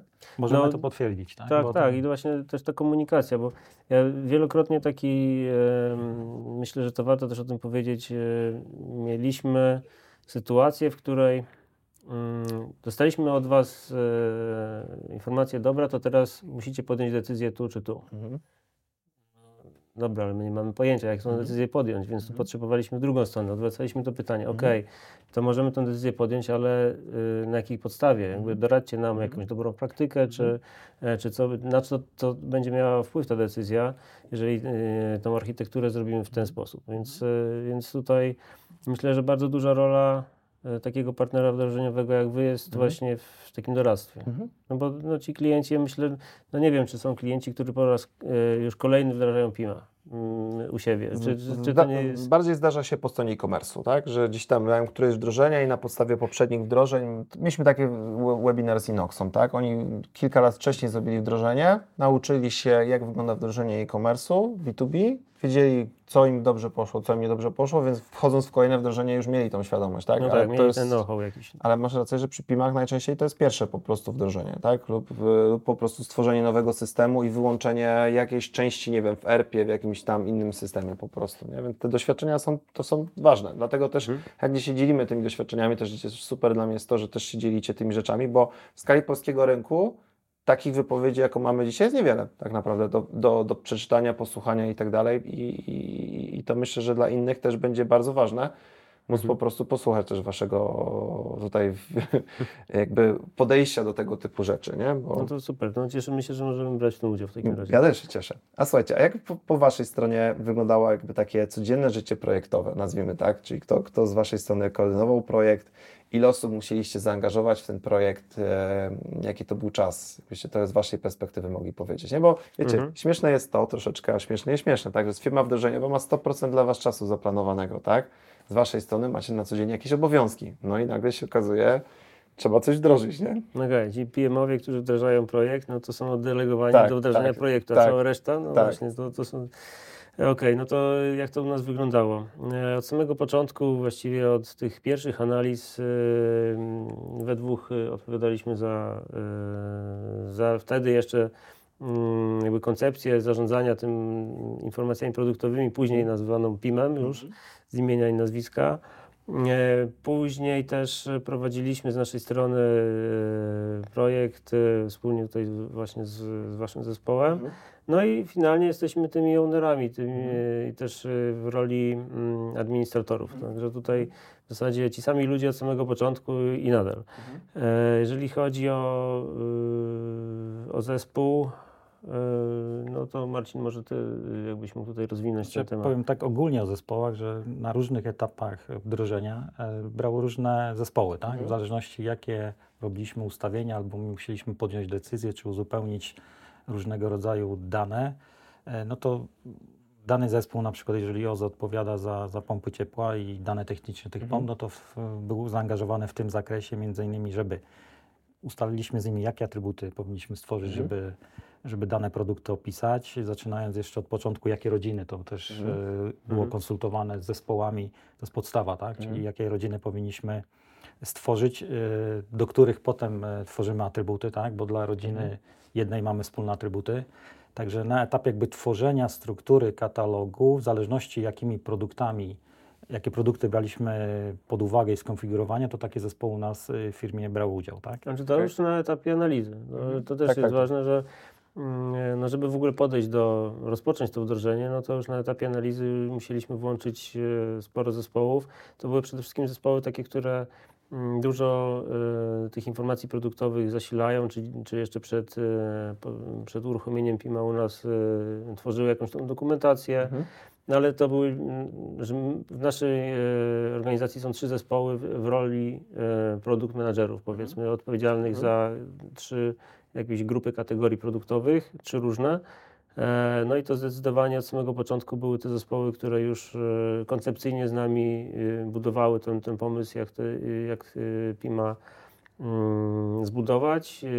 Później właśnie to było związane z określeniem listy poszczególnych atrybutów, właśnie, że kocioł to ma jakąś tam, nie wiem, typy gazów, z którymi może pracować, a pompa ciepła ma na przykład no, e, jakiś tam rodzaj czynnika chłodniczego, który, i ani jedno nie występuje w drugim, ani Tak, na odwrót, tak. więc, e, więc to trzeba było określić. E, Później te same zespoły też e, brały udział w zbieraniu tych danych, bo tutaj dużym challenge'em było zebranie tych rozproszonych informacji o produktach i włożenie ich do PIMA. Tak. Więc to było, to było potężne y, zadanie, e, które już podczas, y, robiliśmy chyba podczas e, wdrażania samej platformy, a potem jeszcze drugi etap e, związany bardziej z asetami. mm, Przesunęliśmy już po Go Live i, i, i Bo- te, bo te to- asety. Bo to jest ten moment, kiedy przechodzimy z jednego na drugi, a czasami jakby migrujemy, nie mamy gotowego systemu, w tym czasie dane są cały czas aktualizowane i trzeba jakby mieć ten moment tak, Tak. naprawdę odcięcia, tak, w którym Czy- przestawiamy się z jednego na drugi, nie? Tak, nasze odcięcie było w momencie właśnie, kiedy napełniliśmy system e, danymi takimi typowo informacyjnymi, technicznymi, Mhm. uzupełniając atrybuty, pomijając zasety. Mhm. I to było takie odcięcie i przejście na Go Live, na wersję produkcyjną Macaneo. I w następnym e, etapie ustaliliśmy, że robimy import asetów i to już jest jakby całościowe wdrożenie i praca już, tak? I uzupełnianie bieżących produktów. w Śmie- systemie. uśmiecham się, bo mi się przypomniał taki zabawny, już teraz z perspektywy czasu mogę mówić, że zabawny etap, w którym zrobiliśmy Go Live Akeneo. Ono jeszcze nie było zintegrowane z żadnym systemem, który czerpał e, z niego dane. No i był kolejny system, który trzeba było zasilać i trzeba było z nim pracować. Ale po co? To nikt nie wiedział. E, więc y, dopiero jak włączyliśmy tę integrację, Tak. jak zrobiliśmy to przejście, to zaczęło być odczuwalne jako jakaś korzyść w organizacji. E, Więc y, to też jest ważne, żeby pilnować wewnętrznie po prostu e, jakby nastroju, który wokół tego wszystkiego, mm, tej całej zmiany no, towarzyszy po prostu w zespołach. No i też pokazać te korzyści jak najszybciej, jakby żeby tego nie odwlekać, bo to Mhm. będzie taka sztuka dla sztuki. E, No, no właściwie to chyba taka drobna dygresja, ale no, mm, wydaje mi się, że tak z perspektywy czasu to jest istotne, bo to można łatwo spalić fajne wdrożenie fajnego systemu, jeżeli to się nieumiejętnie tym zarządzi. Tak. E, jeszcze mówiłem o tych zespołach, jakie brały udział, to na pewno te trzy, o których już wspomniałem, które dzisiaj też e, odpowiadają za e, wprowadzanie nowych produktów, e, m, to znaczy uzupełnianie ich, ich bardzo dużej ilości informacji, asetów, właśnie podpinanie zdjęć, podpinanie jakichś tam instrukcji obsługi, innych załączników. Mm, Natomiast e, mm, takim istotnym też zespołem e, był, e, czy jest nadal dział zakupów, który Mhm. e, w zasadzie rozpoczyna tworzenie produktu. Cykl życia produktu. Cykl życia, dokładnie. Tam to się zaczyna od założenia produktu w ERP-ie. Mhm. Tam jest jakaś tam ograniczona, dosyć krótka w porównaniu z PIM-em No tak. lista danych, którą trzeba założyć i on się następnie po integracji Mhm. pojawi w PIM-ie. Jest wzbogacanie wtedy tej informacji. Tak, no i tu jeszcze są takie dwa kroki, które trzeba określić. Ważne, myślę, że to może być, może tak my sobie to ułożyliśmy, ale e, określenie rodziny, czyli określenie rodziny od razu mówi, że to jest kocioł i ma takie atrybuty. Okej. Wymusza te atrybuty. no. Wymusza i cała reszta zespołów może od tego momentu pracować na, na tym produkcie. Mhm. Mm, No i określenie statusu. No i to określenie statusu od razu mówi, że ten produkt za tydzień, albo już teraz, albo jeszcze w nieokreślonej przyszłości będzie mógł się pojawić na stronie internetowej, tu, tu, tu i, Mhm. i to, to steruje naszymi integracjami. Mhm. Więc y, to są takie dwa obszary, które e, są bardzo istotne. E, co jeszcze? No zespoły takie, które angażowaliśmy, nadal są zaangażowane, tylko niektóre już w mniejszym stopniu. E, to e, zespół mm, marketingu, ale różnej jego części. Mhm. Tam, jest, tam jest kolega, który odpowiada za stronę internetową, też inna osoba, która odpowiada za ten system lojalnościowy, jeden z tych, z którymi się zintegrowaliśmy. E, I jeszcze mm, na przykład e, zespół, e, kilka osób z działu handlowego, które mhm. uzupełniają też takie mm, informacje, już, już niedużo z tych informacji, ale związane bezpośrednio z współpracą z wybranymi klientami. Mhm. Więc tych zespołów w sumie jest sporo. Jeszcze, a przepraszam, zapomniałem o dziale obsługi posprzedażowej. Mhm. E, gwarancja i przede wszystkim to jest ten obszar i mm, integracja, która jeszcze nie zrobiliśmy, ta, prze, którą przełożyliśmy dopiero na niedaleką przyszłość, czyli mhm. z tym systemem e, współpracy z serwisami, z naszym portalem obsługi serwisowej. To też e, to też y, no dzisiaj może niewiele, y, niewiele koledzy tam działają, natomiast y, na etapie budowania koncepcji w ogóle, jakie dane będziemy potrzebowali w PIM-ie, żeby finalnie zintegrować go z tym systemem mhm. i żeby on otrzymał te dane, które potrzebuje, no to, to, to była taka dosyć duża właśnie taka praca koncepcyjna z nim. Okay. Powiedzcie mi, y, czy y, czujecie jakieś takie namacalne optymalizacje czasu pracy, czy procesów zarządzania dzięki pewnym, pewnej właśnie automatyzacji w Akeneo, czy to w obszarze silnika reguł, czy to w postaci tej integracji, e, mhm. e, takie, takie namacalne jakieś takie, może nie wartości wskaźników, ale jakieś takie punkty, które gdzieś tam... Widzimy i no zdecydowanie to są takie chyba trzy obszary, które mhm. moglibyśmy wymienić. Pierwszy to jest takie mm, poukładanie e, tej pracy, która, e, tych procesów, które u nas w firmie mm, e, zachodziły. I to myślę, że jest nie do przecenienia. To nie jest może takie kojarzone stricte z PIM-em, ale poukładanie tych procesów i podzielenie obszarów kompetencji, nadanie uprawnień, które jakby systemowo wymusił PIM, to jest bardzo duża, e, duża korzyść, bo w tej chwili dużo czytelniej i bardziej transparentnie ten proces e, e, się odbywa.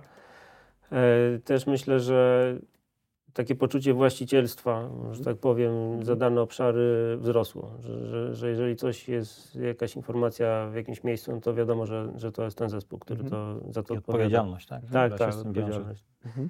Mm, myślę, że taki plus jeszcze, który e, wywołaliśmy, e, to jest zarządzanie w ogóle cyklem życia produktu. Mhm. Że jesteśmy w stanie, mhm. E, no przede wszystkim w oparciu o te statusy, o których już wspominałem, mhm. mamy chyba 13 w tym momencie różnych mhm. opcji, tam różnych takich stanów, w którym ten produkt może być. Na podstawie tego tym produktem sterować i mhm i to też y, w dużej mierze przejęło sterowanie w ogóle tymi integracjami i widocznością, czy, czy w jakiś sposób e, Czyli przykładowo jak wyłączycie jakikolwiek status w PIM-ie, na przykład ten produkt może zniknąć ze strony internetowej. Tak, dokładnie. A tutaj mogę to mm, na takim krótkim przykładzie mhm. powiedzieć, że jeżeli jest e, e, status produktu jest na przykład w przygotowaniu jeszcze jest niewidoczny, mhm. no to my już wzbogacamy jego dane, wiemy, że on będzie wdrożony, ogłoszony i, i wejdzie publicznie do oferty. Natomiast jego nigdzie nie widać. Mhm. W momencie, jak e, zmieni status na e, aktywny nowość, mhm. zdaje się, to, to zaczyna być widoczny na naszej stronie internetowej, w tym systemie Kajus, Salesforce. Natomiast na stronie i, i w Kajusie, e, oprócz tego, że wygląda normalnie tak jak pozostałe produkty, to jeszcze dostaje różne znaczniki, które e, podbijają tę informację, że to jest nowość. Mhm. Standard to standard, w zasadzie to samo, tylko bez nowości. Natomiast jeszcze później możemy mm, na stronie internetowej na przykład e, pokazywać wycofane produkty, mhm. które wycofaliśmy, ale z jakichś tam powodów chcemy e, jeszcze je utrzymywać, no bo to, że my wycofaliśmy ze sprzedaży, no wciąż są e, instrukcje obsługi, tak? Tak, tak, tak, ale to nie znaczy, że nasi, że, że w rynku jeszcze te, na tych produktów nie już, już, nie ma. Mhm. Tak, no często jest tak, że na, u naszych dystrybutorów te produkty nadal są w sprzedaży, mhm. no mimo tego, że producent już zakończył. Mhm. Nie. No to nawet dla klienta końcowego tutaj z mojego, z naszego pewnie przykładu, jeżeli nawet mamy sprzęt, który już mhm. nie jest produkowany, a próbujemy znaleźć mhm. jakiś schemat czy instrukcję, no to tak. dla nas jest to bardzo istotne, tak? Dla tak. takiego użytkownika końcowego. Tak. Okej. Okay. Mm, e, co jeszcze z takich e, E, z takich korzyści, które widzimy namacalnie, przyniósł właśnie PIM, to jest przede wszystkim te integracje też, które wymieniłem, mhm. ale myślę, że w zakresie udostępniania danych klientom, bo tak mało może o tym mówiliśmy, mhm. to tu jest dosyć duży, duży, duży plus i duże większe możliwości w tej chwili. To Marcin, myślę, że Ty masz tutaj dużą wiedzę w tym zakresie, jakbyś mógł więc tak, jeśli chodzi o udostępnianie danych klientów, Akeneo ma funkcjonalności, które już są jakby opracowane, z których możemy skorzystać, mhm. czyli standardy, szablony, jakie mhm. informacje możemy e, wyeksportować, ale ma też w wersji Enterprise e, możliwość takich e, tiled export, czyli mhm. mamy możliwość własnej konfiguracji, zrobienia typowo takiego eksportu dla klienta według szablonu, według kolumn, jakie klient potrzebuje i jakie mają nazewnictwo. Także my z tego skorzystaliśmy. Opracowaliśmy kilka takich szablonów dla naszych czołowych dystrybutorów i jeden taki wspólny dla wszystkich. Mhm. E, także jest to bardzo przydatna funkcjonalność dla między innymi dla działu zakupów, które te dane udostępniają. Wcześniej to robiliśmy wszystko w Excelu i to było gromadzone i w ten sposób udostępniane klientom. Mhm. Oprócz tego, że udostępniamy informacje, udostępniamy też asety, tak? czyli mamy możliwość zrobienia takiego sportu z asetami, czyli mamy informacje atrybutowe, ale też mamy paczkę, gdzie możemy klientowi przekazać zdjęcia produktowe, karty produktowe, czy to karty serwisowe, czy pliki CAD, czy CAM. Jest taka możliwość. Mhm. Także na kilka kliknięć jesteśmy w stanie wygenerować e, taki eksport i udostępnić klientowi. Jest też fajna funkcjonalność, że nie potrzebujemy wszystkich, bo jest e, w Akeneo jest też taka funkcjonalność, że możemy zrobić pokaż tylko te dane od, od ostatniego eksportu. Także mhm. nie tak, robimy całej paczki. Różnicowy eksport. Tak, no. różnica i także to też jest bardzo, bardzo myślę, że funkcjonalna i przydatna taka informacja.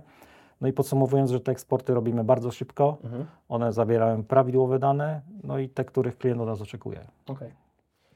Super. Słuchajcie, a czy tak mając dzisiejszą wiedzę, którą macie dzisiaj, czy podeszliście do tego wdrożenia jakoś w zupełnie inny sposób? Czy... Hmm. Dobre pytanie.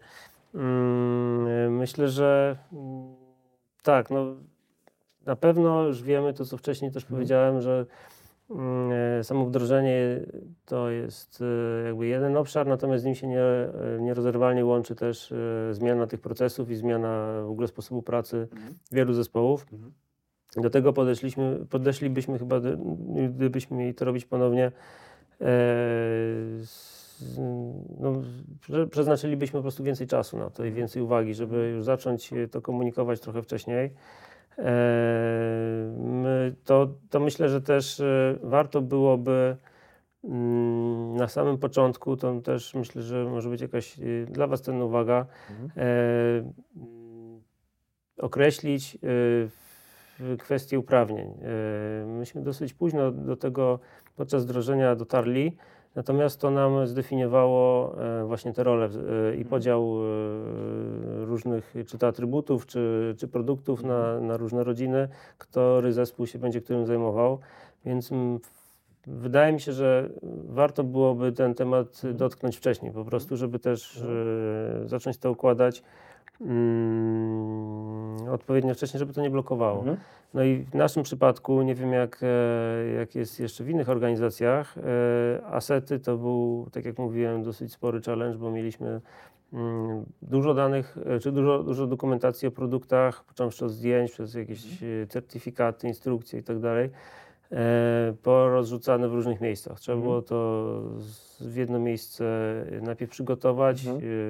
i znaczy przygotować w jakiś sposób, później zaimportować właśnie z Waszą pomocą, mhm. natomiast e, przygotowanie tego, no to było bardzo duże zadanie, e, z tego względu mm, też e, troszeczkę przesunęliśmy ten etap, czyli samą platformę mm, uruchomiliśmy wcześniej, a import asetów wydarzył się później mhm. Mm, i myślę, że to E, to też jest właśnie y, ważne, żeby na to poświęcić sporo czasu, e, czy odpowiednio dużo po prostu, e, ale też skupić się na tym, gdzie te asety będą wykorzystywane. Mhm. Bo takim case'em, który nas dotknął, było to, że przygotowaliśmy na przykład zdjęcia produktowe bez specjalnych warunków, które sobie mielibyśmy narzucić. Mhm. Natomiast y, okazało się później, że one się nie nadają, żeby je publikować y, w prawidłowy sposób y, w tym czy w innym miejscu, więc musieliśmy je, y, jakiś tam standard y, jeżeli chodzi o rozmiar, jeżeli chodzi o w ogóle wygląd tych produktów e, stworzyć i to się już wydarzyło później, więc mogę powiedzieć, że w jakiś tam sposób e, mm, zrobiliśmy to w pierwszym kroku źle albo nie do końca dobrze i trzeba było to poprawiać. No ale to yy, tutaj chciałem podkreślić ten fokus po prostu, mhm. Mm, który bierze się z tego miejsca, gdzie te yy, dane będą yy, finalnie publikowane. Mhm.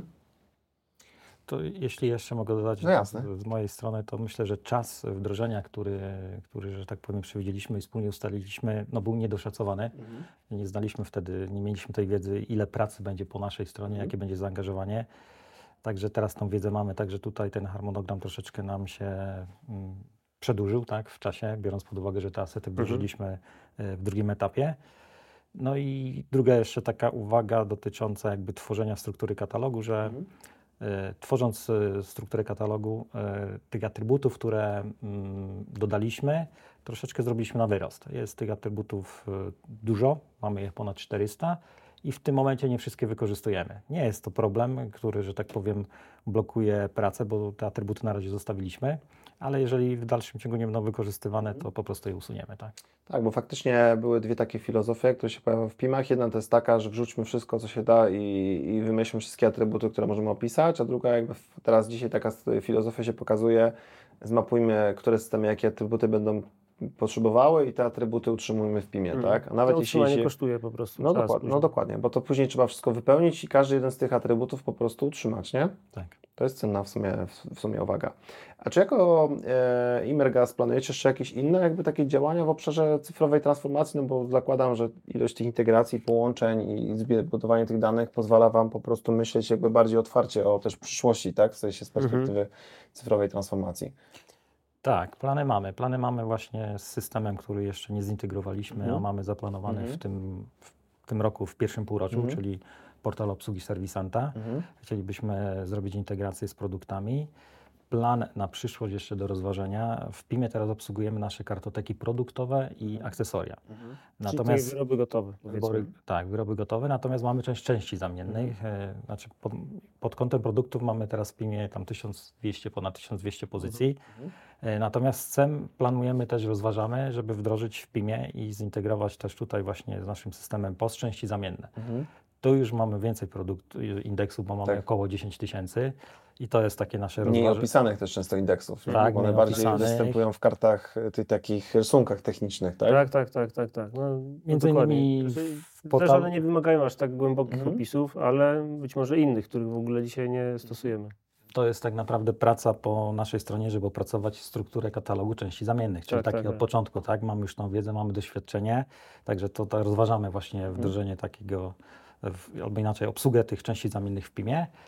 No i trzecim takim też kluczowym tematem, który chcemy obsłużyć, to jakby integrację naszego PIMA z e-commerce'ami naszych klientów, tak? Mhm. Czyli wejść no w ogóle z ich systemami. Tak, w ich systemami. Komersowe czy PIMowe to jeszcze... Tak, tak, tak, tak. Natomiast tak, no to może być PIMowe, tak jak Krzysztof mówisz, natomiast chcielibyśmy to zautomatyzować, nie tylko poprzez e, profile eksportu, mhm. ale już wykorzystując API, e, żeby to online była no wymiana tak. danych. Wcześniej Marcin, ty mówiłeś o tych Tailored Export, że to nam ułatwiło teraz e, dzielenie się tymi informacjami, mhm. czy zasilanie z naszymi klientami. Jasne, natomiast to jest jakiś tam krok pośredni. Tak. No, to, co my chcemy tak. docelowo zrobić, to mm, w jak największym stopniu właśnie zautomatyzować ten, ten mhm. przepływ. E, chociażby z tego względu, że przy każdej zmianie trzeba pamiętać, żeby te dane znowu zaktualizować tak. ręcznie, tam wysłać tak, komuś, tak. żeby ktoś to odebrał i to jeszcze e, zrobił. No tutaj absolutnie mając takie możliwości, jakie mamy dzisiaj i, i też biorąc pod uwagę, że nasi klienci to potrzebują, no to te integracje są jednym z takich głównych e, mhm. kroków, które chcemy zrobić. Mhm. Krótko mówiąc, no, chcemy oprzeć sporo takich działań no, w oparciu o to możliwości, które Mm, dzięki posiadaniu tej platformy filmowej pozyskaliśmy. Tak. Więc to zdecydowanie też. Rozważamy jakieś, w jakiejś formie platformę komercową, ale to bardziej pod kątem e, obsługi tej e, sprzedaży, którą dzisiaj wykonujemy, czyli do współpracy z naszymi mm, stałymi partnerami, z dystrybutorami. E, rozważamy, tutaj nie mamy jakiegoś stricte planu, więc jeszcze, jeszcze to Super. jest um, jakiś taki obszar do zarządzania.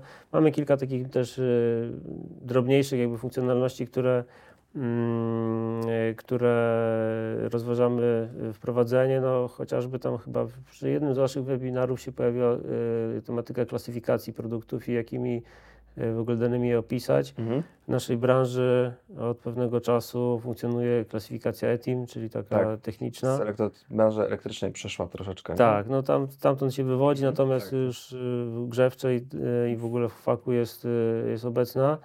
Część klientów zgłasza nam takie potrzeby, czy mhm. takie rekomendacje, mhm. że to by było dla nich użyteczne. No to też jest jakiś tam kierunek, w którym y, rozważamy, czy, czy nie rozbudować jakby tego systemu, który mamy dzisiaj. Mhm, Okej, okay. znaczy ja tylko może dopowiem, ci co nie znają jakby Etima, jakby problemem z danymi produktowymi jest taki, że mimo jakby świat się jakby nie zunifikował w zakresie opisu produktu. Każdy z producentów, nie wiem, dywanów, kotłów, tapet może własne jakby atrybuty stworzyć, tak? I dla dystrybutorów, jakby sprzedawców końcowych to jest bardzo duże wyzwanie, bo jego główną pracą jest y, y, y, data syndication, czyli łączenie tych danych, żeby połączyć, że w Imergasie moc kotła jest tym samym, co u jakiejś innej firmy moc kotła, tak? Żeby na hmm. końcu mieć. No i właśnie... Dokładnie. Yetim był, był pierwszą organizacją w obrębie chyba grupy Fezim, to chyba była grupa mm, hurtowni elektrotechnicznych, może mylę to, to słowo, ale na pewno był Etim, gdzie faktycznie zaczęli mówić, ok, to zunifikujmy y, te, te moce grzewcze, zunifikujmy te rzeczy. No i branża elektrotechniczna była tą pierwszą branżą. To oczywiście jest wyzwanie dla producentów, bo oni też muszą wpisać się tak. w tą klasyfikację, ale beneficjentem jest, jest na koniec dnia po prostu klient, który te produkty sprzedaje i jakby może no tak, i ten e-commerce, szybciej onboardować tego zasilony. produktu do takiego e-commerce'u, nie? No tak, kwestia jakichś filtrów, yy, dokładnie, to tak. Chciałbym Wam podziękować bardzo mocno za tą dzisiejszą rozmowę, e, bo wydaje mi się, że ta rozmowa była bardzo w skali, skali Polski bardzo ciekawa i, oczywiście tej naszej branży PIM-owej i, branży cyfrowej transformacji poprzez sprzedaży. Bardzo się cieszę, że byliście tak otwarci w ogóle dzisiaj, żeby o tym, o tym opowiedzieć, bo nie wszystkie jakby osoby są tak chętne, żeby opowiedzieć o pewnych swoich doświadczeniach, e, o tym, co się udało, co się nie udało, a to są, to są szalenie ważne e, aspekty, tym bardziej jak sami sobie powiedzieliście tak, że tych wdrożeń jest mało, ludzie się uczą na podstawie poprzednich też doświadczeń i też to jest wyzwanie często też menedżerskie tak naprawdę, żeby przeprowadzić taki projekt po, po jednej i po drugiej stronie tak naprawdę, nie? Także bardzo Wam dziękuję za tą dzisiejszą naszą, naszą rozmowę. Dziękujemy, Dziękujemy. bardzo. Dziękujemy za, za Was przyjazd i możliwość tutaj podzielenia się naszymi doświadczeniami, bo mhm. myślę, że to mhm. y, też jest wartościowe. Tak, bo sukces wdrożeń to sukces obu stron, tak? Zgadza się. E, to, to, to inaczej tego się nie da nazwać, nie? Tak naprawdę e, tak to mniej więcej wygląda w tej naszej branży. Ja Wam w takim razie wszystkim dziękuję jeszcze raz e, i, i dziękujemy, dziękujemy, też naszym słuchaczom e, za słuchanie nas dzisiaj. To był odcinek 14. Zapraszam Was do subskrybowania naszego kanału na YouTubie oraz e, oglądania też kolejnych odcinków. E, przypominamy też o możliwości słuchania nas na platformie Spotify. No i zapraszamy do, na obejrzenie naszych kolejnych odcinków. Dziękujemy. Dziękujemy.